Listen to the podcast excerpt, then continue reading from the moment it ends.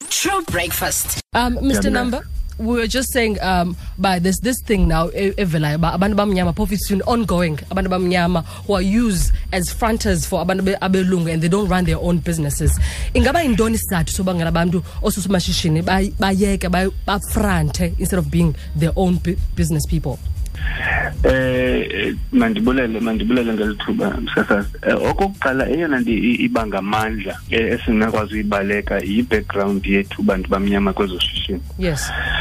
Eh kulaa nto ke kuthiwa yi-underprivileged eh business community. Mm.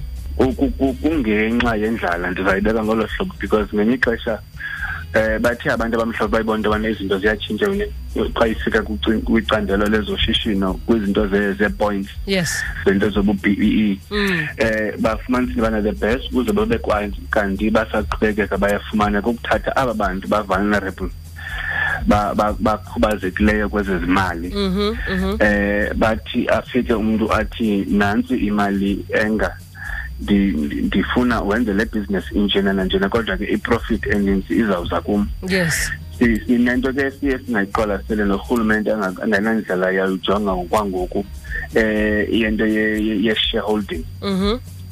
Xa urejitarisha phaa kwa-c i p c um u-c i p c akasayenzi into ye-shareholding. U-c i p c eh, eliqumrhuke eli-registership companies uvese akubhalise wena siqu umntu afake i-id number yakho arejistarishe wena as company.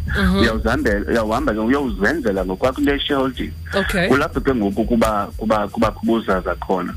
Aba bantu bamhlophe basi bathathe i-shareholding bengu-hundred percent.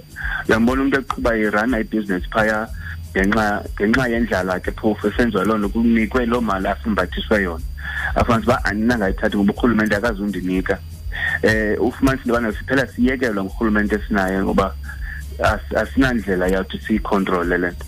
So eyona nto ingamandla kuku- kuye umntu afumanisa into yobana lo mntu amfrantelayo umfumbathise i-strength esimali yeah. Angenakwazi uku- u- ukuresista uba makasithathe. Khona "Hayi, mandiyithathe bendizayiphiwa ngubani? Urhulumente akanandipha iphaleni arane ibhizinesi ayiqhube afumane ii-benefits afumane um zonke ezi zinto um zikhoyo urhulumente athi uzinika abantu abamnyama kodwa ibe eyona beneficiary engu-hundred percent ownership yaloo company ingumntu omhlophe. Yindlala ma. Mm. Now Mr Number ingaba ke ngoku into yofranta ichaphazela njani ibusiness okanye imlibazisa kanjani na usomashishini ukuba akhule azimele ngokwakhe ngamaxesha amaninzi ke nomsasazi sube ingengobantu bangoosomashishini ngokwendalo okanye ngokwengcinga. Okay mhm. But sube ingumntu nje o- o- oyena somashishini ngulo amfrantelayo. Yes. But ke ngoku lona akanamsebenzi nanto yawukhula nakasani. Mm. Eh eyona nto yakhe yinto nje yoba ufumana imali ebalulekileyo kuye le nto ayifumanayo ayityayo A- akanamsebenzi na nawuku- nakuba ngumntu ongusomashishini ophume izandla ozimeleyo yes yes. Abo banazo ezo ngcinga. Ngokwangoku kula short medium long term goals ufumanisa into yobana abayijongi ncam u-medium nolong bajonge u-here and now. Yes. Ngongoku uba ngoku ndifumana ntoni ngoku phi ngoku?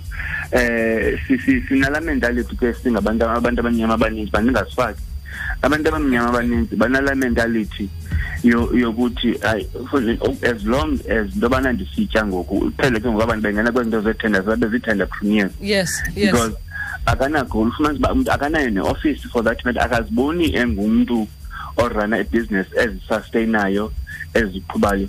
Oyena mntu ufumanayo apha kule nto onebhizinesi sustainable ngulo amfrantelayo mm. Yena enze imiliyoni anike lona ufrantayo ye-hundred thousand. Aqole laa nqondo bendiyaqonda bendizayifumana phi. uno-here and now um ingqondo yakhe ivaliwe ine-ceiling eh, efikayo into yobana ungadluli kwinto ka- ka- ka-medium no-long term. Yeah.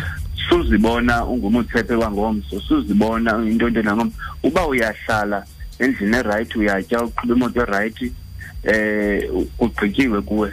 Uyakwazi uyohlala erestaurant eduru uthinthini I- imentality yabantu abamnyama enintsi injalo and ke yinxa inantsika yi-responsibility ka- karhulumente neekhampani ezinjengathi eziye zifuneka zibe nethuba lokuncedisana nabasomashishini bakhulayo. Yes. Eh into yoba bakhawuleze bafike kwinto ethi makhe ndibe ngusomashishini ophume ezandla makhe ndibe nee-properties makhe ndibe ne-fleet yeemoto ezininzi makhe Yes. ndiqeshe abantu abaninzi.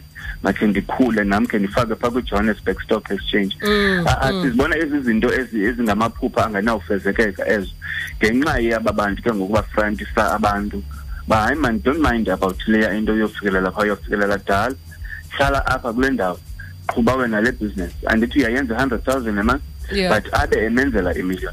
So kufuneka ku- at some stage kuncediswene kubantu abakwi-business development eh norhulumente to to change i-mentality yabantu. Yabona i think iyawuzisa loo nto by by creating i-program as the economic development yeah. uh, neze-sme uh, development yes all right mr number thank you so much for your time. Inkosi all right that is ke biz talk namhlanje. Umr phiko number from osho development economic agency